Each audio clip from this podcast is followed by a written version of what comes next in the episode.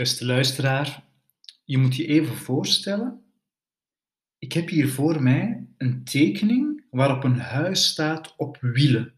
Maar echt een groot huis met een puntdak op wielen. En ik ga je daarover een verhaal vertellen. Met als titel Zeven uur. Dus dat huis waar ik het over heb, dat is het huis van Liesje. Het staat op wielen en twaalf sterke boerenpaarden trekken het voort. Liesje die heeft een lieve mama en ook een lieve papa. Maar als papa en mama samen zijn, dan schreeuwen ze tegen elkaar. En daarom hebben ze beslist om elk apart in hun huis te wonen. Papa aan de ene kant van het dorp en mama aan de andere kant. Papa krijgt de hond, mama krijgt de kat. Maar ja, wie krijgt Liesje? Liesje wil niet elke week verhuizen. In dit huis is haar kamer en daar staat haar bed. En hier wonen beer Teddy en plastic hertje. Oké, zegt mama, dan verhuizen we het huis. En elke zondag om zeven uur stipt rijdt het huis met Liesje erin naar papa. Het huis wordt dus voortgetrokken door twaalf boerenpaarden.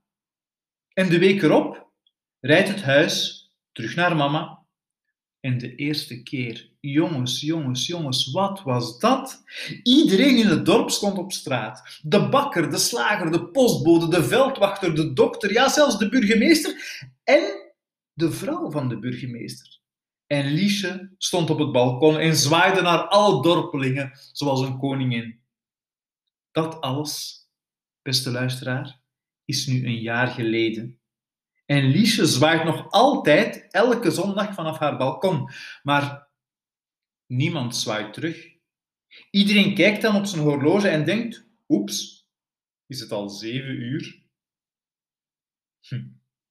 Wat denk jij? Zou jij in zo'n huis willen wonen dat elke week wordt voortgetrokken door paarden van de ene kant naar de andere kant? Denk maar eens na.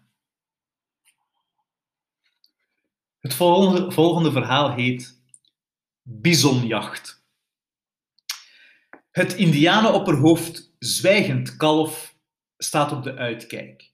Alle jongens zijn van de bisonjacht teruggekeerd, behalve zijn zoon, blinde Otter. Toen Otter zes was, kreeg hij per ongeluk een pijl in zijn rechteroog en toen hij acht was, één in zijn linkeroog. De makkers van blinde Otter klimmen op het dak van de tipi. Ja, een tipi dat is zo'n soort van tent. Ze turen in de verte. Is hun vriend Otter verdwaald? Maar dat kan niet, want zijn paard kent de weg terug naar het dorp. Mama Otter kijkt bezorgd. Heb jij onze enige zoon mee op bisonjacht gestuurd? vraagt ze. Het opperhoofd knijpt met zijn vingers in zijn strijdbijl en zwijgend kijkt hij voor zich uit. Kalf, zegt mama. Dus vandaar de naam Zwijgend Kalf.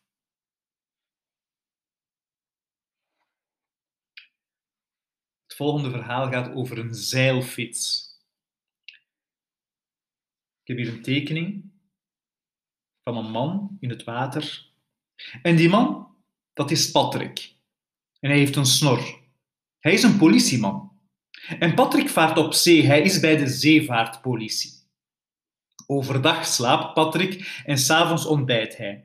En daarna trekt hij zijn waterdichte schoenen aan. Ja, die heeft hij nodig voor zijn werk tijdens de nacht. Op zijn zeilfiets staat ook een lamp en daarmee speurt Patrick naar onregelmatigheden. Ja, s'nachts doen mensen dingen die ze overdag niet durven.